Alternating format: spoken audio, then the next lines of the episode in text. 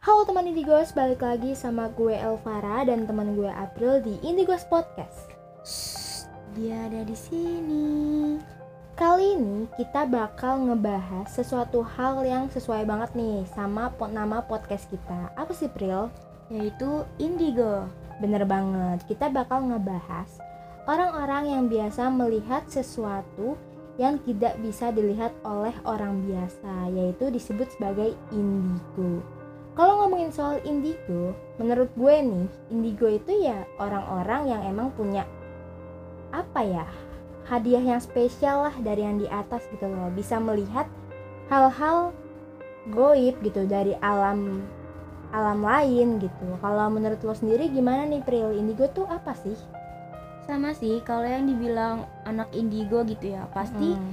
indigo ini eh, orang-orang yang bisa ngelihat apa yang orang biasa nggak lihat gitu. Hmm. Tapi setahu gue, indigo itu tuh biasanya kebagi-bagi lagi par Oh gitu. dari iya, eh, misalnya dia yang cuma bisa ngerasain doang, bisa ngeliat doang, atau bahkan bisa sampai berinteraksi sama eh, hal-hal yang kayak gitu gitu sama makhluk-makhluk yang beda dunia.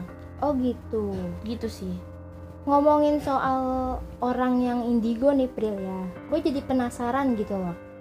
Eh, maksudnya gimana sih awal mereka bisa jadi indigo? Mereka mengetahui dirinya itu sebagai indigo. Gue juga penasaran gitu. Eh, misalkan mereka kan eh, ada nih beberapa orang yang emang baru jadi indigo tuh ya di usia yang emang nggak waktu kecil gitu, ataupun orang yang baru merasakan baru mengetahui kalau dirinya itu indigo itu misalkan di umur-umur yang emang udah SD, SMP gitu loh. Gue penasaran aja gimana sih cara mereka adaptasi dengan hal-hal baru seperti itu. Pasti kaget dong melihat hal yang ya istilahnya yang nggak pernah mereka lihat gitu loh. Kalau menurut lo gimana nih Pril? Nah, kebetulan banget nih sesuai sama tema podcast kita pada hari ini, yaitu ngebahas bagaimana sih adaptasi kebiasaan seorang indigo menghadapi hal-hal sulit atau hal-hal di mana dia baru tahu kalau dia ini tuh ternyata indigo loh, bisa punya kemampuan di luar dari kemampuan orang-orang pada biasanya. Hmm. Nah, setelah ini nih, kita bakal ngasih record wawancara yang udah dilakukan sama salah satu tim kita yaitu Sheila sama orang indigo yang kita sebut aja bernama Rere. Langsung aja kita dengerin wawancara antara Sheila dengan Rere. Halo Rere, apa kabar? Halo, alhamdulillah baik. Gimana kabarnya? Baik, baik juga nih. Eh, BTW kita udah lama banget ya sih, kita udah gak ketemu gitu ya. Kalau boleh tahu akhir-akhir ini lagi sibuk apa sih nih Rere? Hmm, aku pastinya kerja ya. Eh, kerja juga lagi hectic. Terus job-job side juga, side job juga. Hmm, itu lumayan padat juga sih alhamdulillah. Walaupun corona ya tetap. Iya, corona ya. Oke deh lanjut ya, sesuai dengan diskusi kita nih sebelumnya. Eh, aku telepon Rere ini mau buat ngobrol-ngobrol nih. Nah, sesuai Hmm. sama tema podcast kita kan tentang horor nih. Nah, berhubung Oke. episode ini episode spesial, makanya aku mau ngomong sama bintang tamu spesial juga kan nih, eh, Rere. Wow, spesial. spesial. Oke, kita Hmm. mulai ya, Rere. ya, oke. Oke, yang pertama itu aku bener, aku baru denger denger nih kalau kamu ini bisa dibilang bisa ngelihat uh, makhluk-makhluk gaib atau makhluk uh, halus gitu, bener nggak sih, Reh? Gitu. Em, bisa dibilang seperti itu. ya, melihat ya manusia dan makhluk lain asik. Berarti kalau kayak gitu, kamu bisa dibilang anak indigo nggak sih atau enggak? Gimana tuh? Bener nggak? Sebenarnya indigo sendiri tuh macem-macem ya. Ada yang kalau istilah indigo sendiri memang lebih tepatnya bukan hanya orang yang cuman bisa ngelihat dengan makhluk halus aja ngelihat atau berinteraksi dengan makhluk halus. Tapi indigo itu biasanya dia juga punya kemampuan untuk melihat masa depan atau masa lampau. Seperti itu.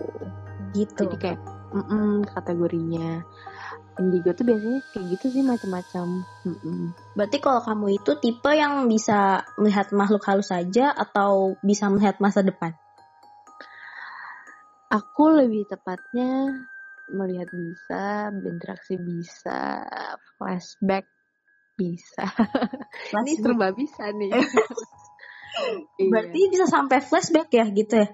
Iya, cuman memang kalau khusus untuk flashback atau mungkin aku dikasih lihat uh, next feature itu di momen-momen tertentu yang tidak aku hendakin gitu loh. Jadi kayak uh, ketika kalau kalau ngelihat makhluk halus kan memang udah nggak bisa dipungkirin ya tiap saat melihat Iya gitu kan. kan. Iya bisa. Mm-mm. Cuman kalau kalau ngelihat masa depan atau masa lampau, biasanya itu kalau ya menurut aku ya, ya Tuhan ngasih lihat gitu. Nah ketika Tuhan ngasih lihat ya udah berarti kelihatan. Tapi kalau misalkan aku maksa diri buat ngelihat ke belakang atau ke depan itu biasanya aku sakit gitu. Bisa bikin sampai sakit ternyata. Aku baru tahu Mm-mm. tuh. Eh, berarti mulai dari mulainya dari kapan sih kalau boleh tahu eh, Rere pas kamu bisa ngelihat eh, bisa flashback gitu dan bisa ngeliat Mm-mm. makhluk-makhluk halus tuh dari kapan kalau boleh tahu? Em, kalau ngelihat sendiri sih memang ya dari lahir ya sebenarnya karena karena sebenarnya aku turunan juga dari mama mama dulu Mhm. bisa lihat tapi memang dia nggak bisa interaksi terus eh, ya kebetulan aku udah dari kecil bisa ngelihat jadi mama melihat apa yang aku lihat juga gitu jadi kayak bukan ya something yang harus diherankan. Jadi mama aku kayak kadang waktu kecil ditinggal sendiri tuh dia udah tahu aku lagi main sama siapa kayak gitu. Nah terus kalau untuk indigonya sendiri itu bertahap ya. Maksudnya kayak bisa melihat tiba-tiba eh, kepribadian orang atau masa depan atau masa lampau itu Hmm. ketika aku eh, bertahap. Kayak misalnya pas aku SMP terus aku nambah lagi bisa eh, flashback pada saat SMP akhir terus bisa iya bertahap jadinya sih nggak nggak serta merta langsung bisa Langsung gitu. bisa gitu ya? Mm-mm. Oh berarti kalau dari waktu kecil itu kamu udah menyadari kalau ternyata yang kamu ajak main gitu ya misalkan itu tuh bukan manusia gitu atau kamu sadarnya kalau itu tuh sebenarnya manusia yang kamu uh, ajak main gitu. Dulu sih se- sebenarnya ya waktu kecil banget karena nggak ngerti apa-apa jadi kayak sebenarnya oh, iya oke itu manusia karena memang wujudnya manusia juga gitu. Ada empat anak kecil gitulah yang memang sumuran juga sama aku dan eh, aku waktu kecil kan banyak banget di rumah itu dibeliin boneka ya kayak Mhm. satu kamar tuh boneka semua. Jadi aku main bareng sama boneka-boneka itu juga gitu. Mereka jadi di depan rumah aku tuh sebenarnya ada ya bukan di depan banget sih di sebelahnya itu ada satu rumah kosong nah dia tuh memang penghuni rumah situlah gitu bisa dibilang Bisa mampir Iya. gitu ke rumah kamu gitu ya? Iya jadi kayak karena mungkin sama-sama anak kecil ya jadi kayak Mhm. ngeliatnya interest mungkin akhirnya main bareng aku pun kayak nggak ngerti apa-apa karena nggak serem jadi ya udah Ya udah. tapi setelah tapi yang membedakan dia ya paling kayak warna kulit ya gitu Warna, warna kulitnya kulit mungkin kayak lebih pucat gitu atau gimana tuh? Ah, justru warna kulitnya nggak pucat sih bisa dibilang pucat cuman lebih ke kuning langsat Oh, gitu. putih kuning atau- kunyit Ah, ah, ah. kuning kunyit Mm-mm. Mereka tuh bentukannya kayak gimana sih, Re? Kayak apakah dia kan kalau misalkan kita tahu kan kayak Risa Saraswati taunya mereka punya temennya tuh orang bule. Nah, kalau kamu sendiri nih teman-teman uh, yang kamu lihat ini tuh bule atau kayak gimana wujudnya? Enggak, itu justru pribumi banget sih. Teman aku dulu itu Oh. pribumi banget. Berarti bener-bener kayak uh, anak kecil biasa teman main kamu ya? Kayak gitu. Iya. Mm-mm, Mm, anak gitu. kecil biasa. eh, Terus kalau ya, kalau Hmm. bisa dibilang satu personilnya namanya Clara asik kan.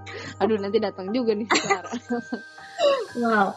Terus uh, kamu tahu kalau mereka ini berarti kan waktu awal-awal itu kamu taunya mereka ini sebenarnya manusia kan karena masih kecil kan.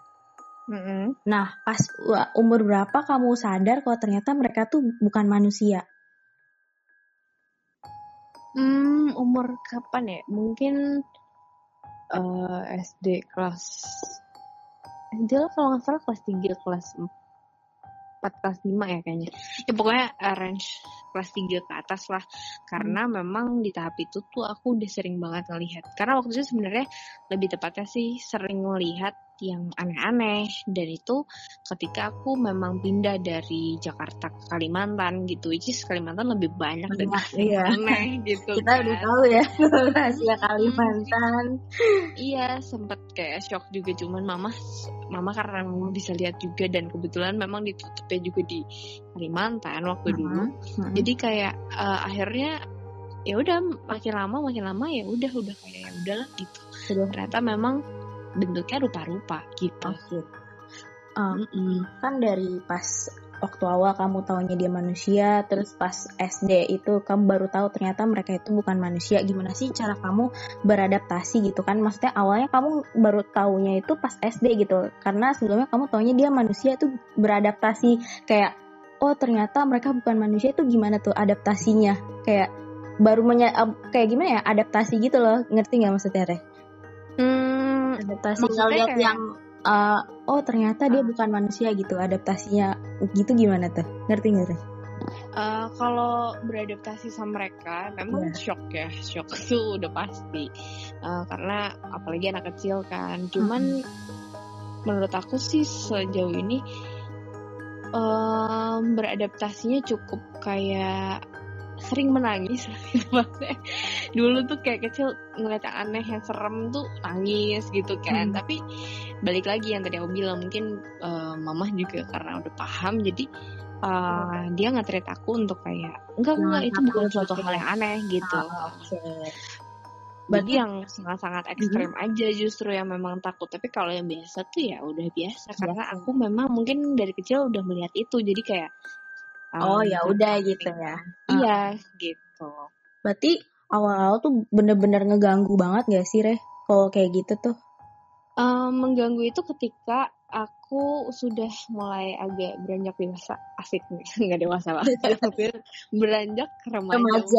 waktu, waktu aku beranjak remaja itu cukup sulit karena um, aku udah banyak sedikit banyak aku berinteraksi dengan mereka gitu Oke. jadi nggak cuman ngeliat doang tapi bisa ngobrol bisa uh, dulu tuh aku sering banget ngelukis gitu kan Mhm. kayak karena sering digangguin gitu ya udahlah gue lukis aja mau nggak? Gitu. Mau ya udah. Jadi kayak jadi malah jadi temenan gitu gak sih? Iya lebih kayak temenan.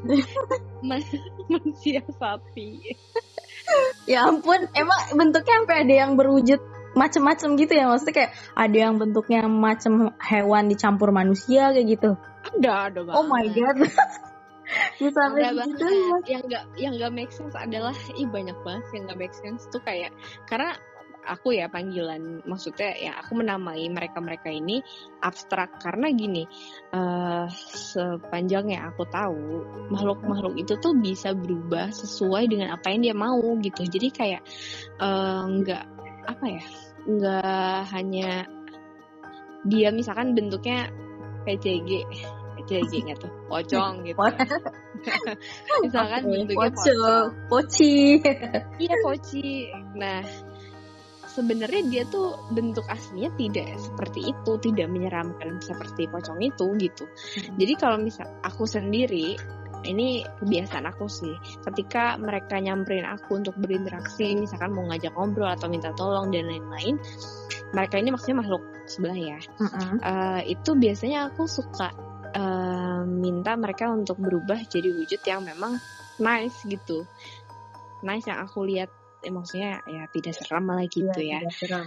karena eh ya kalau nggak mau aku nggak akan ngomong gitu. Jadi kayak ayo mau gimana mau ngomong atau Oh. enggak akhirnya mereka ternyata mampu untuk berubah wujud Oh, gitu gitu. Alasannya apa sih, Re? Kenapa sih mereka tuh pengen banget ngomong sama kamu gitu? Ada alasannya nggak, Re?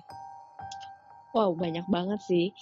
Eh, terkadang ada yang minta tolong untuk didoakan atau curhat pun ada. Wow, curhat. sesi curhat pun ada sebenarnya. Wow, Terus menarik kayak- sekali bisa ada yang sampai curhat gitu. ada ada ada yang teriak-teriak doang ada yang bahasanya aku tidak tahu Mm-mm. aku banyak kan ada yang minta doain atau yang paling fatal tuh ini pengalaman menarik sih menurut aku kalau Hmm. boleh cerita nih Iya, coba tolong banget dong ceritain gimana tuh gimana. Eh, dulu tuh aku tuh pengen banget ditutup mata batinnya. Karena udah kayak ah udah lah tidak. Kayaknya agak-agak mengganggu ya. Itu waktu Mm. SMP lah gitu. Dibawalah aku ke daerah Subang. Nah ternyata di perjalanan udah mau udah nyampe mau nyampe rumah tujuan di daerah Subang itu tuh subuh kalau nggak salah. Aku lupa banget. Ya udah tiba-tiba ada eh ya satu makhluk yang memang ngikutin gitu.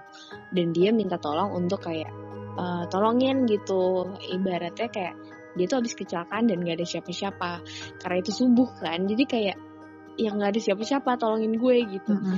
ya tapi aku ignore karena ngerasa kayak "Eh, kan gue mau ditutup gitu ya Kenapa Hmm. jadi bantuin? iya takut di prank juga saya Iya. gitu Oh bisa juga loh. Tanpa ngeprank ya. Karena mereka bisa manipulasi kan? Oh gitu. itu possible banget. Makanya ya udah akhirnya nggak percaya terus datang ke ajengan ternyata ajengan itu bisa melihat juga Hmm.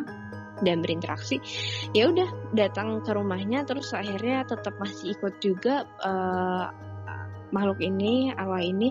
Akhirnya aku ngobrol sama ajengan ya sebelum ditutup kita akhirnya samperin lokasi kejadian memang ya ya pokoknya kayak di di iniin lah gitu ditunjukin ya kan diikutin ternyata memang benar tapi memang sudah sudah kayak banyak orang lah gitu ada beberapa warga Oh, berarti Udah udah ditolongin. Oh. Mm, gitu jadi memang oh ternyata bener ya dan itu kayak oh, wow seperti detektif saya Tapi Gitu. karena kamu kan di situ jatuhnya kamu telat gitu ya. Apakah dia masih nge- ngegentayangin kamu atau enggak, Re? enggak sih Oh, enggak. Berarti Enggak. udah udah aman gitu ya. Tapi setelah dari Subang itu kamu beneran udah ketutup gitu enggak, Re? Mata batin kamu? ini sebenarnya aneh juga sih memang eh, aku udah berkali-kali eh, ke orang yang memang ya bisa dibilang expert bisa untuk nutup. Ternyata memang tidak bisa ditutup gitu. Jadi bisa pun kayak sehari bisa lagi gitu. Jadi Oh. kayak dalam hitungan jam atau di dalam hitungan hari itu ya satu hari sih paling cepat eh paling lama ya. Iya. habis itu ngeliat lagi dan akhirnya kayak eh, Jadi pasrah aja gitu. Iya, yang terakhir tuh menyimpulkan kayak mungkin dikasih advice juga ke aku kayak ya udah memang itu udah udah nggak bisa gitu tapi gimana caranya how to handle aja gitu. Oke deh. Eh, terus kan tadi kan kamu bilang kalau kamu itu bisa flashback gitu ya atau melihat yang masa depan Mm-mm. gitu ya. Kan Yes. nggak dari nggak dari lahir dong kamu bisa kayak gitu kan ya. Enggak dong. Ah. Itu Itu berarti gimana sih cara adaptasi kamu yang awal-awal kan kamu nggak bisa tuh kayak gitu kan ya. Terus tiba-tiba kamu bisa ngeliat flashback atau ngeliat masa depan tuh eh, adaptasi kamu bisa ngeliat kayak gitu tuh gimana Re? Hmm, ini adaptasi yang cukup berat karena memang jujur ini karena aku sudah punya logika enggak gitu sih. Maksudnya lebih kayak udah ngerti gitu Mhm. kan, udah mulai remaja tuh kan udah ngerti setan, udah ngerti Mhm. orang, udah ngerti punya pemikiran dan lain-lain. Mm-mm. Jadi cukup mengejutkan karena memang pas ketika aku dapet penglihatan itu pertama kali tuh kalau nggak salah aku lagi jalan ke kota daerah kota lah gitu ya Mm-mm.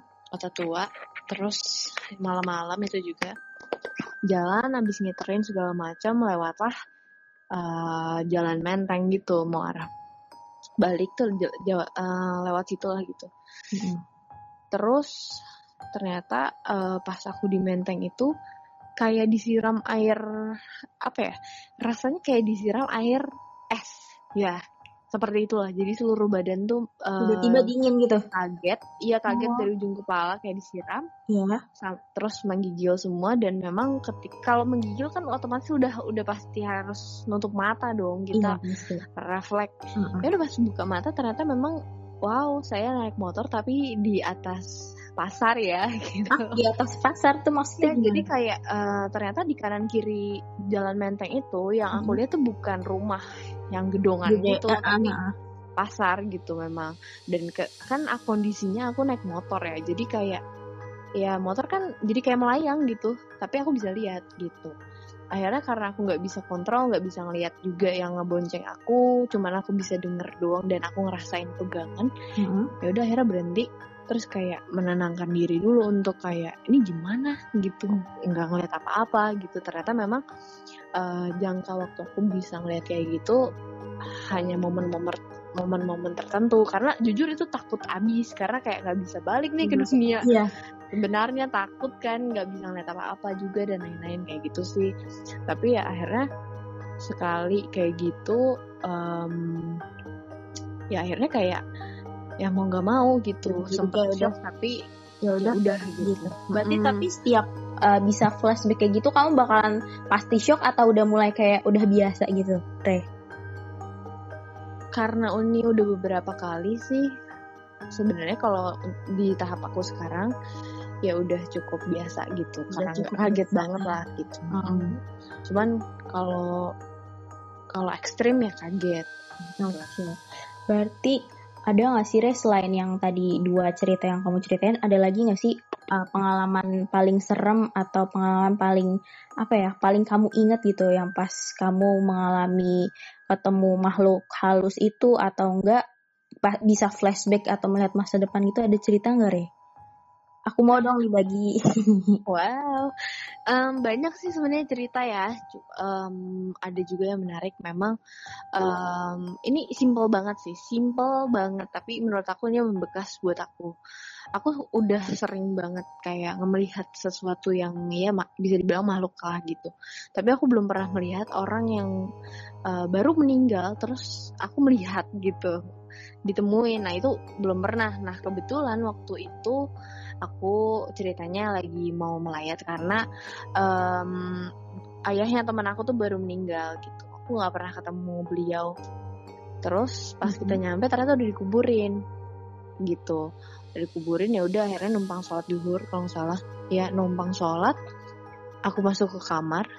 Jadi aku pas di pas pas di area rumah duka ya Hmm. udah ngeliat orang ini bener-bener seperti manusia Tapi di situ kamu udah sadar kalau itu makhluk halus atau Enggak. kamu sadar itu tuh orang ngelayat? orang layat karena memang bentuknya berarti bener-bener kayak manusia dong, Re. totally kayak manusia banget sih. Yang ini ya, yang ini. Hmm. Jadi dia ngeblend banget lah intinya benar-benar kayak pakai kopiah, pakai wah udah udah kayak udah hitam-hitam kayak gitu. Terus gimana tuh? Terus akhirnya yang kayak karena emang crowded juga kan itu bener-bener kayak manusia dan ya udah aku nggak mikir yang macem-macem. Udah tuh pas aku aku inget banget wajah orang itu. Terus dari itu aku izin sholat pas di ero, eroka terakhir. Assalamualaikum. Yang kedua, wow di sebelah gitu. Tiba-tiba ada di sebelah. Itu itu kamu bener-bener kayak baru kelar sholat pas lagi assalamualaikum dia nampak di sebelah kamu. Itu bener-bener kaget dong. Iya. Assalamualaikum eh, ya kaget gitu. Kayak karena deket dan di langsung di sebelah gitu kan. Kayak kayak mungkin aku ngerasa kayak orang normal kayak nggak mungkin kayak gitu ya sebenarnya itu ternyata memang aku udah punya feeling di situ udah nggak enak gitu. Ya udah akhirnya ternyata ya karena aku nggak tahu. Balik lagi karena aku nggak tahu nggak pernah ketemu sama ayahnya teman aku ini jadi aku nggak tahu beliau tuh siapa. Tapi dia menyampaikan satu amanat lah gitu. Ya amanat yang untuk disampaikan ke istri dan anak-anaknya yaitu teman aku sendiri. Terus aku shock lah di situ. Dan ternyata pas mau keluar di ada teman aku aku ngeliat foto keluarga wow ternyata beliau. Ternyata beliau. Iya dan itu serem banget karena Hmm. ya baru meninggal gitu kan jadi kayak hmm, Hmm, merinding banget. Aku yang dengerin pun merinding loh.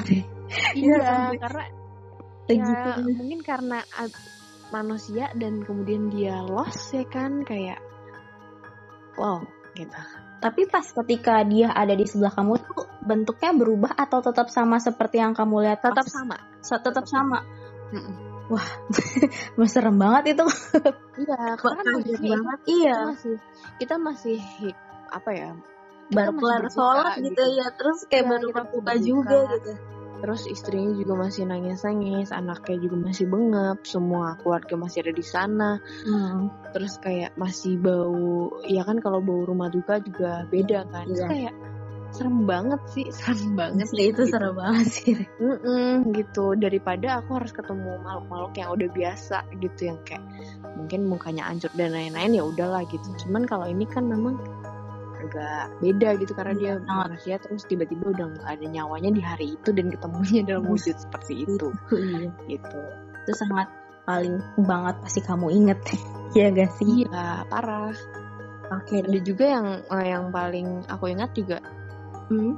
eh, makhluk yang memang dari ujung apa ya dari ujung kaki bawah sampai ke atas itu dia nyerupain aku Kayak kembaran dong, Re. iya Ah, terus bahkan aku, itu? waktu itu dulu aku tuh nggak pakai kerudung Heeh. jadi kayak aku akhirnya kayak hah gimana nih di lokasi syuting gitu terus akhirnya kayak aku mau apa namanya mau biasa kan kalau perempuan tuh rambut tuh dikekupingin gitu kan Iya.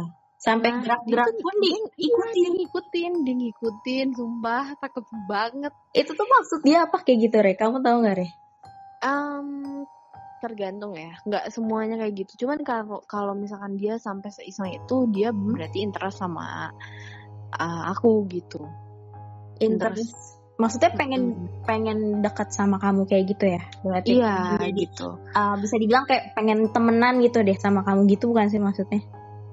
Iya, tapi di case yang tadi aku jelasin tuh sebenarnya memang eh ya kebetulan di rumah itu rumah eh ya kebetulan waktu itu lagi syuting gitu, lagi Mhm. di lokasi syuting dan ternyata rumah yang lokasi syuting ini ya punya pesugihan lah gitu. Oh. Gitu. Jadi Berarti dia Jahil dong jatuhnya, ya nggak sih?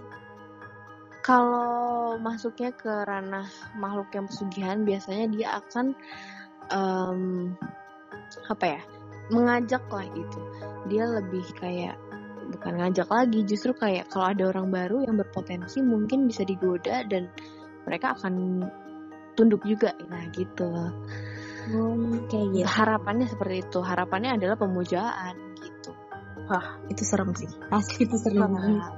karena janji ya janjinya janji sama makhluk kayak gitu kalau melakukan perjanjian itu Wah, fatal banget akibatnya tuh kalau misalkan nggak diturutin ya nggak sih? ya bisa sampai nyawa bahkan Mm-mm. keluarga sendiri bahkan tujuh turunan itu akan berimpact sebenarnya dampaknya dari Iya. gara-gara dia ya. Oh my god. Mm, Jangan sampai deh. Tapi iya kamu kamu itu kan kebanyakan yang aku dengar kalau anak-anak indigo juga indigo itu tuh juga bisa ngebantuin gitu loh. Ngebantuin uh, orang buat kayak misalkan ada yang ngikutin kayak gitu-gitu bener gak sih? Ngikutin Benar. makhluk halus gitu. Benar benar sometimes aku suka diminta tolongin sih memang eh, in, di beberapa case. Dulu mungkin ya karena aku belum bisa kontrol jadi Dari- kayak dari Udah, kapan tuh gitu. Re, kalau boleh tahu Re pas kamu kayak ada orang yang minta bantuan kamu tuh dari kapan Re SMP Hah? Dari SMP wow. Iya. Mudah banget ya. Iya kalau buka praktek udah rame. Itu- Dari SMP itu gimana kamu bisa apa ya kayak beradaptasi gitu loh Re dengan tiba-tiba kok jadi ada yang banyak minta bantuan sama aku kayak gitu tuh gimana tuh Re? beradaptasinya sih ini cukup sulit juga sebenarnya karena memang aku sendiri tuh waktu itu nggak tahu kalau memang aku punya kemampuan itu. Balik lagi indigo yang tadi aku bilang ada tahapannya itu. Aku nggak tahu bisa oh ternyata aku bisa bantuin ini ya gitu. Oh ternyata ini tuh orang kayak gini ternyata dikirimin orang ya gitu. Jadi kamunya kayak ikutan belajar gitu. Iya bener-bener belajar. Bahkan ada waktu itu hmm, ada kakaknya temen aku yang memang dia susah hamil gitu. Terus bertahun-tahun susah hamil terus katanya eh, dia diguna-guna dan lain-lain gitu. Dan ternyata terus benar. akhirnya dikasih lihat lah fotonya. Jadi aku tuh bisa dari nggak harus foto nggak harus ketemu foto juga kadang tuh bisa bisa nyampe gitu. Ya udah akhirnya pas dilihat aku bilang enggak ah ini nggak ada apa-apa. Akhirnya make sure lah kita ketemu. Mm-mm. terus pas aku lihat nggak ada apa-apa ini nggak ada apa-apa. Tapi ada satu hal yang yang apa ya apa namanya yang ada apa-apanya. Hmm. jadi ternyata memang dia tuh punya penyakit yang eh, penyakit lah yang aku lihat yang bikin saluran itunya tuh tersumbat gitu dan harus ke dokter. Tapi permasalahannya adalah dia tuh selalu ke orang pintar. Dan orang pintar ini ngasih jin ke dia untuk balik lagi balik lagi balik lagi untuk dikeruk lah uangnya gitu. Malah Iya, jadinya jadi- yang awalnya nggak kenapa-kenapa malah jadi kenapa-kenapa Yes. gitu kan? Yes. Mm-mm. terus kamu itu ngebantuinnya itu apa kamu bantu buat ngilangin itu jinnya atau kayak gimana Re? enggak sih karena aku belum kemampu belum punya kemampuan seperti itu ya Hmm. sebenarnya bisa kalau memang belajar atau mendalami gitu kan Hmm. cuman kalau aku pribadi mungkin udah cukup uh, terima apa adanya gitu ya lebih keterima apa adanya karena mau di gimanain kan kalau bisa mah enggak lah pengen normal aja sebenarnya Mhm. gitu cuman ya sometimes kalau orang yang udah urgent banget ketik misalkan dia disantet let's say disantet atau di eh, guna-guna yang lain-lain dan menyebabkan parah gitu Hmm. ya sakit-sakitan dan lain-lain kadang aku suka bantu gitu gitu sih aku bantunya lebih kayak ya ini masih masih pola adaptasi ya sebenarnya Iya. mencoba untuk oke gue bantuin sebisa gue gitu Tuh, oke deh. Nah, Hmm. ini kan kita nih kan sebenarnya lagi di masa-masa eh, apa namanya WFH gitu ya, di rumah Oke. terus stay at home ya. Eh, ada nggak sih kayak kamu kan awalnya kalau keluar sering gitu kan ngelihat makhluk-makhluk halus gitu, tapi kan sekarang jadi lebih sering di rumah gitu kan ya. Apakah makhluk-makhluk halus itu juga tetap ada atau jadi dikit atau gimana tuh Re? gini keunikan makhluk halus itu yang aku sering lihat dan ini unik banget menurut aku ketika hujan dia suka neduh Ah, neduh. Iya. Dia juga Iya, dia tak- dia juga bisa basah gitu kalau kena hujan Re. enggak juga sebenarnya enggak. Tapi kayak mungkin kayak entah gimana ya. Ya neduh aja gitu di rumah gitu di rumah atau kalau WFH sih sebenarnya yang tadi bilang sangkutannya sama neduh adalah ya ketika hujan mau nggak mau ya harus terima. Kalau misalkan lagi ada yang neduh dan lain-lain intensitasnya ya cukup banyak kalau lagi hujan apalagi sekarang musim hujan, ya. Iya. gitu gitu kan. Jadi wah repot juga nih gitu. Mana nggak bisa ke mana-mana gitu Iya. kan. Cuman ya kadang ya untung aku galak gitu ya sama mereka. Jadi kayak kalau misalkan eh lo ganggu keluar aja gitu. Dan ya memang ada treatment khusus lah untuk bikin kayak yang gitu. bandel ini Ah, gitu untuk tidak di rumah. Tapi eh ya untuk orang seperti aku sepertinya rumah pun masih tembus ya gitu Masih jadi kayak banyak. merasa tidak aman juga gitu gitu. karena siapa pun eh bukan siapa pun sih makhluk, makhluk mana pun itu bisa menembus mana pun walaupun kadang kan kalau kata orang ini ini ada penunggunya nih gitu misalkan ya walaupun ada penunggunya tetap ada ya kalau misalkan ada makhluk lain mau datang atau penghuni rumah diikutin makhluk lain ya akan masuk ke rumah itu gitu juga ya. kan iya Berarti- gitu Berarti pas eh, masa-masa ko- COVID-19 gini berarti tetap sama atau malah jadi makin banyak nih gara-gara hari-hari gini lagi musim hujan, Re? Hmm, ya kalau dibilang lebih banyak sih karena aku intensitasnya setiap saat bisa melihat. Jadi pasti banyak gitu karena mereka kan juga apa ya em, seperti manusia gitu ber- berinteraksi beraktivitas gitu. Cuman yang tadi aku bilang perbedaannya memang karena lebih ke musim hujan sih gitu ya. Iya. Jadi kalau musim hujan Malah Eh, jadi banyak yang ya, gitu ya. betul. Oh gitu, oke deh. Eh, terus pertanyaan terakhir ya, Re ya. Oke. Ada nggak sih suka dukanya nih sebagai anak yang dicap indigo gitu, Re? Wah banyak sekali nih jadi curhat nanti. banyak banget. Lebih ke pandangan orang sih gitu. Em, kita kan nggak bisa ya untuk menutup mulut-mulut di luar sana gitu kan kadang memang ya orang yang percaya ya udah ya enggak ya udah makanya uh, pun percaya kadang pun jatuhnya memanfaatkan gitu mm-hmm. memanfaatkan yang tidak penting gitu atau enggak jadi ajang uh, bercanda gitu padahal hal itu bukan hal yang cocok untuk dibicarain gitu apalagi kayak bercanda-bercanda ya kan gue yang interaksi wow iya. gitu kan jadi ya, lebih kayak banget. gitu Mm-mm, jadi skeptisnya orang iya. atau ya banyak lah stereotipnya orang ke kita anak indigo oh anak indigo bisa begini begini begini gitu. Atau enggak udah pastilah dia bisa ngelihat masa depan ini bla bla bla gitu misalkan. Itu kan sebuah hal yang kayak enggak enggak bukan kayak gitu. Pun kita dikasih lihat itu pun masih bisa berubah gitu, oh, gitu. Atau kita bisa lihat ya kalau lo nggak usaha ya gimana gitu. Masih jadi teka-teki juga dong ya bener. Iya intinya satu sih menurut aku yang paling utama adalah jangan menuhankan anak indigo gitu.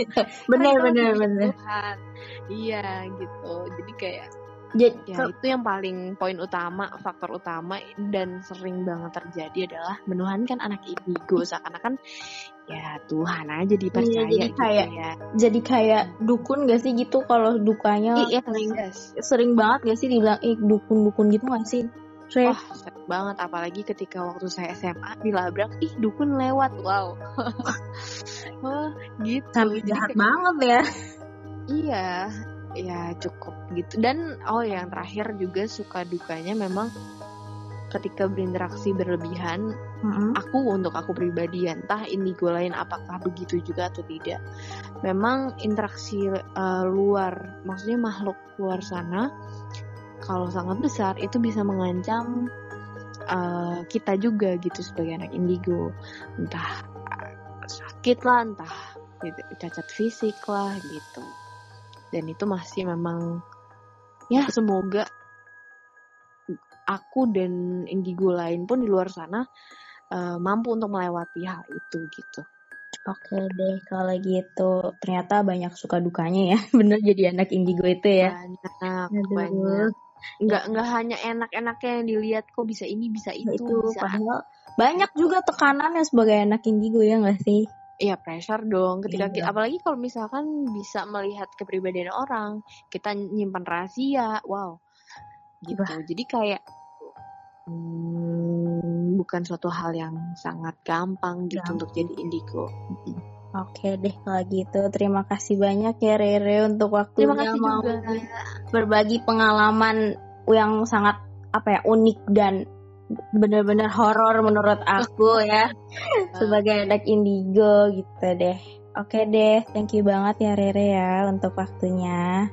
Oke okay. see you. Sehat-sehat ya. Iya sehat-sehat juga Rere. Thank you juga ya Sil. Ya, sorry yang horor lu hari ini pakai baju warna hitam gak astaga kalau tahu Wow, itu yang sangat horor di penutupan podcast ini.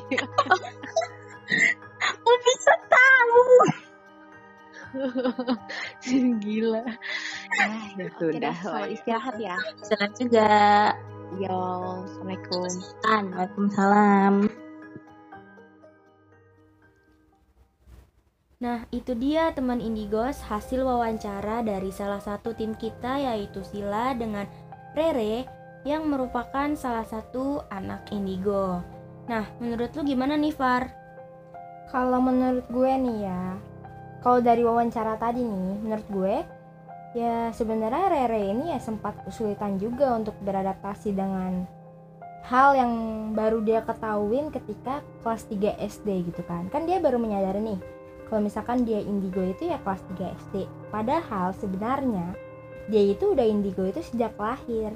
Mungkin ya, mungkin ketika dia kecil itu ya dia melihat sosok-sosok lain itu ya seperti apa adanya manusia gitu loh mungkin ya lebih pucat atau lebih apa gak tahu sih tapi ya waktu dia kecil kan katanya tadi di wawancara bahkan sosok-sosok lain itu ya sempet diajak main bareng ya karena dia menyadari kalau itu mungkin sama seperti dia gitu loh.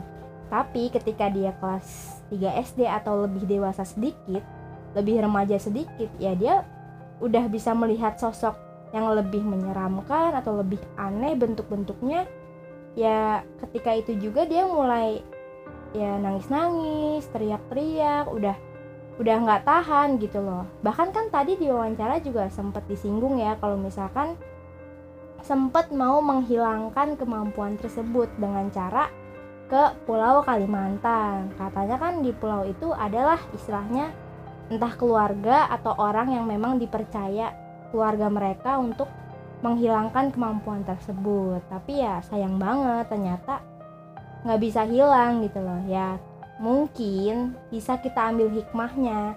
Kalau misalkan kemampuan tersebut ya bisa bermanfaat lah bagi orang lain. Misalkan kan tadi disinggung ya kalau misalkan ada beberapa jenis orang indigo dan si Rere ini termasuk semuanya. Salah Iya. satunya ya bisa membantu menyembuhkan penyakit orang lain walaupun memang sesuai dengan kemampuan si Rere ini gitu. Ya mungkin segitu aja sih pendapat gue. Ya istilahnya ya hal-hal yang beradaptasi itu ya nggak mungkin langsung bisa terbiasa. Pasti ya kita adalah kalanya kaget shock apalagi nih hal-hal yang berbau makhluk lain kan makhluk Iya, yang nggak biasanya kita lihat gitu. Ya kalau misalkan soal pekerjaan ya biasa lah tapi ini kan tentang makhluk lain tentang alam lain gitu. Jadi ya ya gitu menurut gue.